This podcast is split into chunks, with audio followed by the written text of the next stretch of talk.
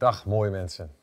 Fijn dat je kijkt naar deze parel in de serie Gods stem verstaan. En vandaag wil ik met je stilstaan bij de wijze waarop God spreekt door onze gedachten. En als het gaat over de sprekende God, dan kan me dat ontroeren. Want het feit dat God spreekt, wil zeggen dat Hij tevoorschijn komt. Met zijn spreken opent Hij zichzelf voor relatie met ons. En dat is een van de doelen waarom God spreekt. Hij wil relatie met ons. Hij zoekt ons op. Hij wil gekend zijn. En hij wil ook dat wij weten dat we gekend zijn door Hem. Maar het is niet alleen een relatie. Vanuit de relatie die kan omdat God spreekt, wil Hij ook in ons en door ons heen regeren in deze wereld. En die twee dingen, relatie en regering, die vormen onze bestemming in het wandelen met God. En ik vind het mooi hoe dat naar voren komt ook in Openbaring 1, waar Johannes op Patmos het heeft over Jezus, die een koninkrijk van priesters uit ons gevormd heeft en ons gemaakt heeft tot priesters voor God, zijn Vader, door zijn kostbaar bloed. Koningen en priesters. En ook Petrus, in 1 Petrus 2, vers 9 en 10, heeft het erover als hij tegen de gemeente zegt, u bent een koninkrijk van priesters. We zijn geroepen om priesters te zijn. Om in een persoonlijke wandel met God te leven. Want dat deden priesters. Ze stonden voor de troon van God. En ze vertegenwoordigden mensen. En vervolgens gingen ze vanuit de troon van God naar de mensen toe. Om God te vertegenwoordigen bij de ander. Daar zit dat relationele in. Koningen zijn we ook geroepen om koningen te zijn. Om koninklijk gezag uit te oefenen namens God om zijn koninkrijk van gerechtigheid, vrede en vreugde vorm te geven. Dus God spreekt, opdat we in relatie met Hem zouden kunnen komen en om namens Hem te kunnen regeren. En om dus die, die volle bestemming te kunnen omarmen, om echt in alles wat we zijn en hebben te wandelen als priesters en koningen van God, hebben we het ook echt nodig om Zijn nabijheid te ervaren. Dat we dat vanuit die warmte en de verbinding waartoe we uitgenodigd worden, kunnen doen. En dan wil ik even voor een momentje op inzoomen, die nabijheid van God. Want er zijn verschillende intensiteiten, om het zo maar eens te zeggen, waarin we de nabijheid van God kunnen ervaren. En de eerste die ik wil noemen is blind geloof. En als het gaat over blind geloof, dan heb ik het over ja, geloof dat God er is. Dat Hij er echt is maar zonder echt een heel diep besef dat Hij er is. Eigenlijk het weten, omdat je het weet, maar in de dagelijkse wandel zie je het niet echt of ervaar je het niet echt. En toch heeft dat waarde dat je weet van ja, maar ik vertrouw erop dat hij er is. Daar begint. Maar dan vanuit een stukje blind geloof kan het ook toegaan naar een bewust besef van Gods nabijheid. En dat, dat gebeurt vaak ook hè, in de gemeenschappelijke samenkomsten, waar we weer naar onderweg zijn, die weer gaan komen. Dat tijdens de aanbidding je geraakt kunt worden en dat je zegt van, oh, God is hier. Zoals Paulus ook zegt in 1 Korinthe 14, waarlijk God in ons midden. En dan vanuit blind geloof, ik weet hij is er, komt daar dan vanuit een bewust besef een stukje ervaring bij. En dan vanuit bewust besef kun je ook in verbinding komen met God via bovennatuurlijke gebeurtenissen. En je moest dan denken aan Handelingen 12, waar je dat heel sterk ziet. Handelingen 12. Petrus gevangen in de kerken. Herodes wil hem ombrengen. De gemeente die bidt vurig en eensgezind dat hij gered zal worden uit die kerken. En God hoort en stuurt een engel. En, en die omzeilt dan 16 Romeinse soldaten. De boeien vallen af. Petrus wandelt naar buiten. De poort gaat als vanzelf open.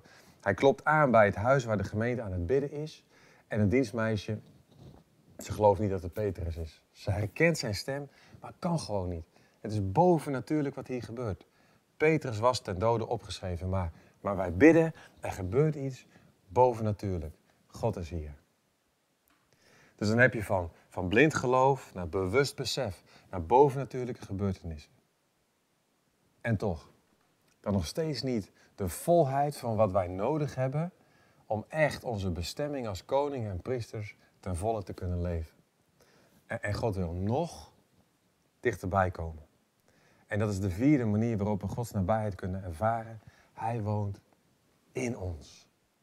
Hij heeft zijn tent opgeslagen in ons. Ons hart, zijn huis. Ons lijf, ons hart, onze gedachten mogen helemaal vol zijn van Christus. Vol zijn van God. Dus dan kom je op dat hele innige, dat hele dichtbij. En als we het dan hebben over hoe God spreekt tot onze gedachten, ja, soms kan dat heel ingewikkeld overkomen. Maar God spreekt tot onze gedachten. Maar als wij beseffen dat Hij in ons woont met zijn geest. Als wij beseffen dat het daarom is dat Paulus zegt, ja, maar Hij kan je gedachten en je hart vervullen met bovennatuurlijke vrede. Hij kan je hart en je gedachten vullen met bovennatuurlijke liefde. Ineens komt dan ook dat hele idee dat God kan spreken door onze gedachten heel dichtbij. Als Jezus zegt tegen die schriftgeleerden, het belangrijkste is, heb de Heer uw God lief met uw verstand, en nog andere dingen, maar ook verstand. Dat betekent dus dat de geest ook woning maakt in je denken, opdat je kunt liefhebben met je verstand en met je gedachten. Dus hoe, God, hoe spreekt God dan door je gedachten? Nou, hij, hij maakt daar woning in. Hij wil daar steeds meer, steeds nadrukkelijker, steeds voller aanwezig zijn in je denken. En hoe kunnen we daar dan in groeien? Paulus zegt in 1 Korinthe 2, vers 16, wel nu, onze gedachten zijn die van Christus. En ergens anders heeft hij het over de gezindheid van Christus, die steeds meer in ons gevormd mag worden. Dus hoe kunnen onze gedachten nou steeds meer Christus gedachten zijn in ons? En ik wil drie dingen noemen, een drievoudige dynamiek die daarin belangrijk is. En het eerste is, onze gedachten kunnen steeds meer Christus gedachten worden door de activiteit van de Heilige Geest voor ons en in ons. Hij is de belangrijkste speler in de vorming van onze gedachten. Want de geest die, die opent ons allereerst voor wie Christus is en voor de werkelijkheid van het koninkrijk van God. Maar de geest die zet ook liefde en kracht en wijsheid vrij. En hij verbindt ons met vader en zoon. En een van de manieren om ervoor te zorgen, om daarin mee te bewegen dat onze gedachten steeds meer Christus gedachten zijn in ons, is door ons elke dag te verbinden met de Heilige Geest die in ons woont, in ons hart en in ons denken. En wat mij zelf daarin helpt om regelmatig in gesprek te blijven met de Heilige Geest, dat is het acroniem TRUST. In het Engels, vertrouwen. En trust, dat staat dan voor thank you. Dat we in gesprek zijn met de Heilige Geest en zeggen dank u wel. Dat u in mij woont. Dat u uw tent heeft opgeslagen in mijn leven. Dat u in mij verblijft. Mijn hart, uw huis. Dank u wel. Trust, de tweede letter R. Reveal. Dat we bidden openbaar de gedachten van Christus in mij. Zet daar uw heldere schijnwerpers op. Ik wil u kennen. De derde letter, de U van use me. De Heilige Geest de uitnodiging doen van gebruik mij maar vandaag. De vierde letter, strengthen me. Kom met uw kracht en, en geef mij energie om op u gericht te zijn. En dan de laatste letter, de T van teach me. Onderwijs ook maar. Geef mij helderheid van geest om te onderscheiden welke gedachten van Christus zijn en welke van mij. Dus het eerste is als wij willen groeien, dat onze gedachten steeds meer Christus gedachten zijn in ons. Dat we ons voortdurend blijven verbinden met de Heilige Geest die in ons woont. Ons heel bewust zijn dat Hij daar is en dat Hij Christus in ons wil openbaren. En soms kunnen we het daarbij laten. Ja, de Heilige Geest moet het doen. Is ook zo. En als de Heilige Geest niks zou doen, wat hij nooit doet, want hij doet altijd iets, maar als hij niks zou doen, dan zou er ook niks gebeuren. En tegelijk, als we daarbij blijven, de Heilige Geest moeten doen, dan gebeurt er toch niks. Want het is zaak dat we reageren, dat we antwoorden. En het mooie is, en dat is het tweede element, één, de activiteit van de geest. Twee, maar dan ook het besef dat we in de arena van de alledaagse dingen onze gedachten ja, kunnen laten vormen. Ons alledaagse leven bestaat uit een aaneenschakeling van allerlei kleine alledaagse dingen. En we staan op, kleden ons aan, ontbijt, we gaan naar het werk, we ontmoeten collega's, we hebben deadlines, we gaan vergaderen, of we gaan naar het schoolplein, of we zitten op de universiteit, of we zijn aan het studeren, we hebben ontmoetingen met vrienden, uh, we worden ziek en weer gezond, we zijn gezond, we worden ziek. Um, er is, het leven zit vol met een aaneenschakeling van van alles en nog wat. Talloze interacties en gebeurtenissen. En het is belangrijk om te beseffen dat in die arena van dat hele gewone alledaagse leven, die aaneenschakeling van talloze alledaagse gebeurtenissen, dat dat de plek is waar de geest onze gedachten wil vormen, zodat ze steeds meer geestesgedachten worden in ons. En daarom is het goed om bedachtzaam te leven. In het alledaagse. In de ontmoeting met mensen. Hé, hey, wat denk ik nu eigenlijk? Wat voor gedachten zijn dit? Als zich een situatie voordoet en er komt iets primairs in je op, toetsen. Wat voor gedachten zijn dit? Dat je eigenlijk steeds meer je eigen gedachten leert reflecteren. Dat je bedachtzaam wordt over wat je denkt. En ik besef, dat kan echt niet 24/7 elke minuut. Dan zouden we doodmoe worden als we continu onze eigen gedachten aan het monitoren zijn. Maar wat ik wel probeer te zeggen is dat het in het alledaagse gebeurt. In de talloze ontmoetingen en gebeurtenissen van elke dag. Dat we ons eigen denken steeds beter leren, kunnen leren kennen. En dat de arena van het alledaagse de plek is waar de Heilige Geest wil dat wij gevormd worden, zodanig dat onze gedachten steeds meer Christusgedachten worden in ons. De activiteit van de geest, de arena van het alledaagse.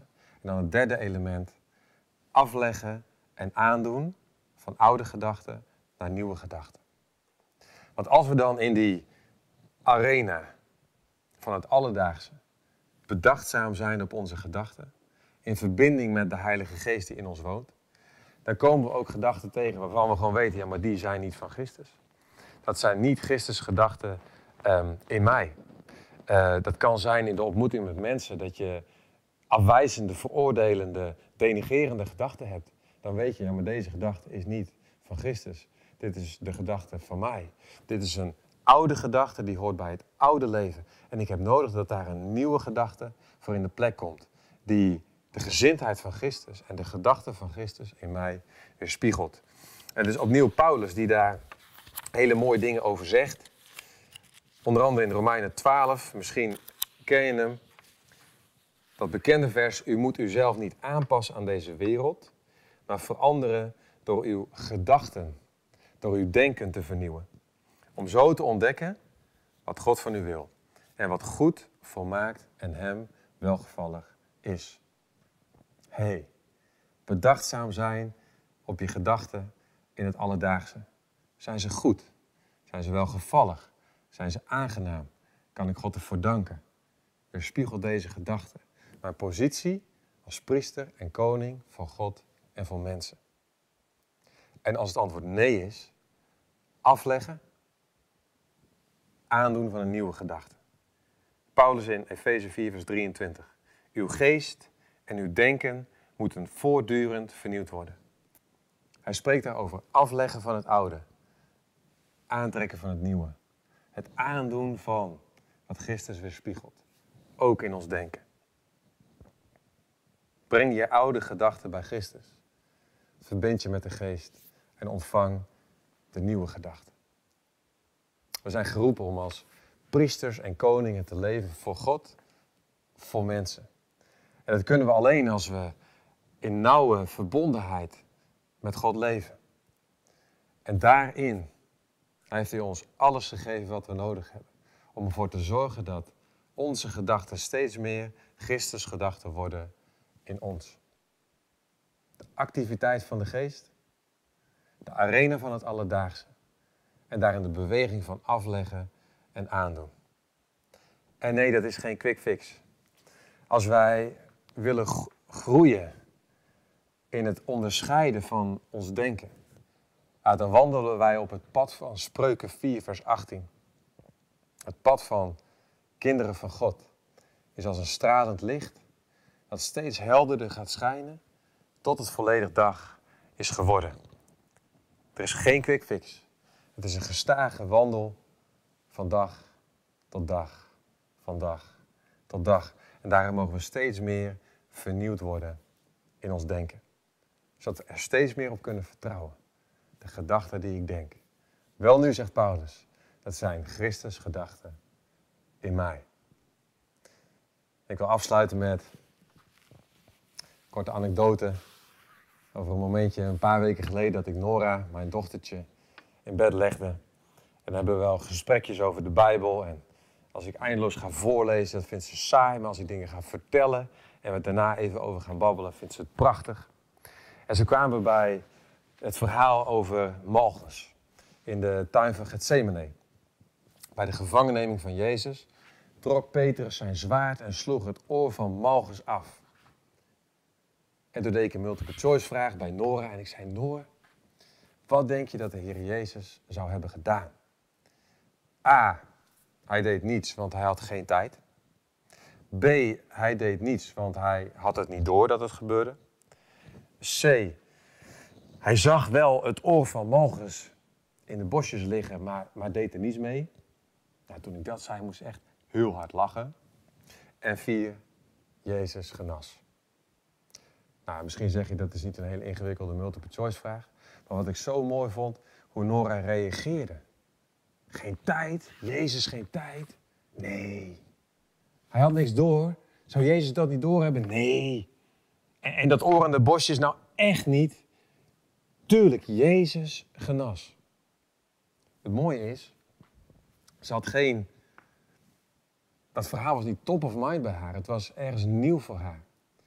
Dus ze kende het niet, maar toch wist ze wat Jezus ging doen. En waarom? Omdat ze wel een beeld heeft van Jezus, kennis heeft van Jezus. Omdat ze weet, ja maar, dit hoort bij Jezus. Dat zijn de gedachten van Christus in haar. De gezindheid van Christus in haar. En ze kwam in een gloednieuw verhaal. In een situatie die ze niet kende. Maar ze wist, zo reageert Jezus. En dat ter illustratie. Dat als wij voortdurend in gesprek zijn met de Heilige Geest. In de arena van de alledaagse dingen. Actief bedachtzaam. Op afleggen van oud en aantrekken van nieuw. We zullen steeds meer in gloednieuwe situaties waar we ons nog nooit eerder in bevonden hebben, toch weten, ja, maar deze gedachte hoort bij Christus. Deze gedachte die ik nu denk, die past bij Christus. En ik mag erop vertrouwen dat dit nu is hoe God tot mij spreekt. Ja, en dan komt er een hele mooie nieuwe dimensie bij voor het alledaagse wandelen in de kracht van God.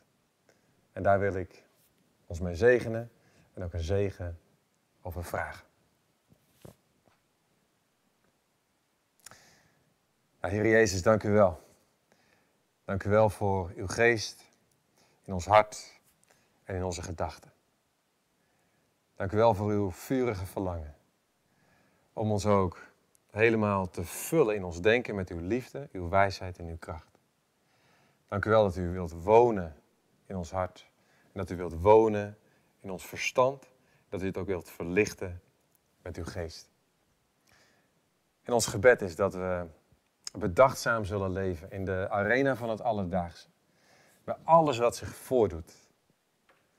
Om steeds meer geoefend te raken in het herkennen van uw gedachten in ons. Dat we ook mogen zeggen met vrijmoedigheid, ja maar dit is hoe God spreekt op dit moment in mijn gedachten. En geef ons de moed en ook de durf om af te leggen en aan te doen.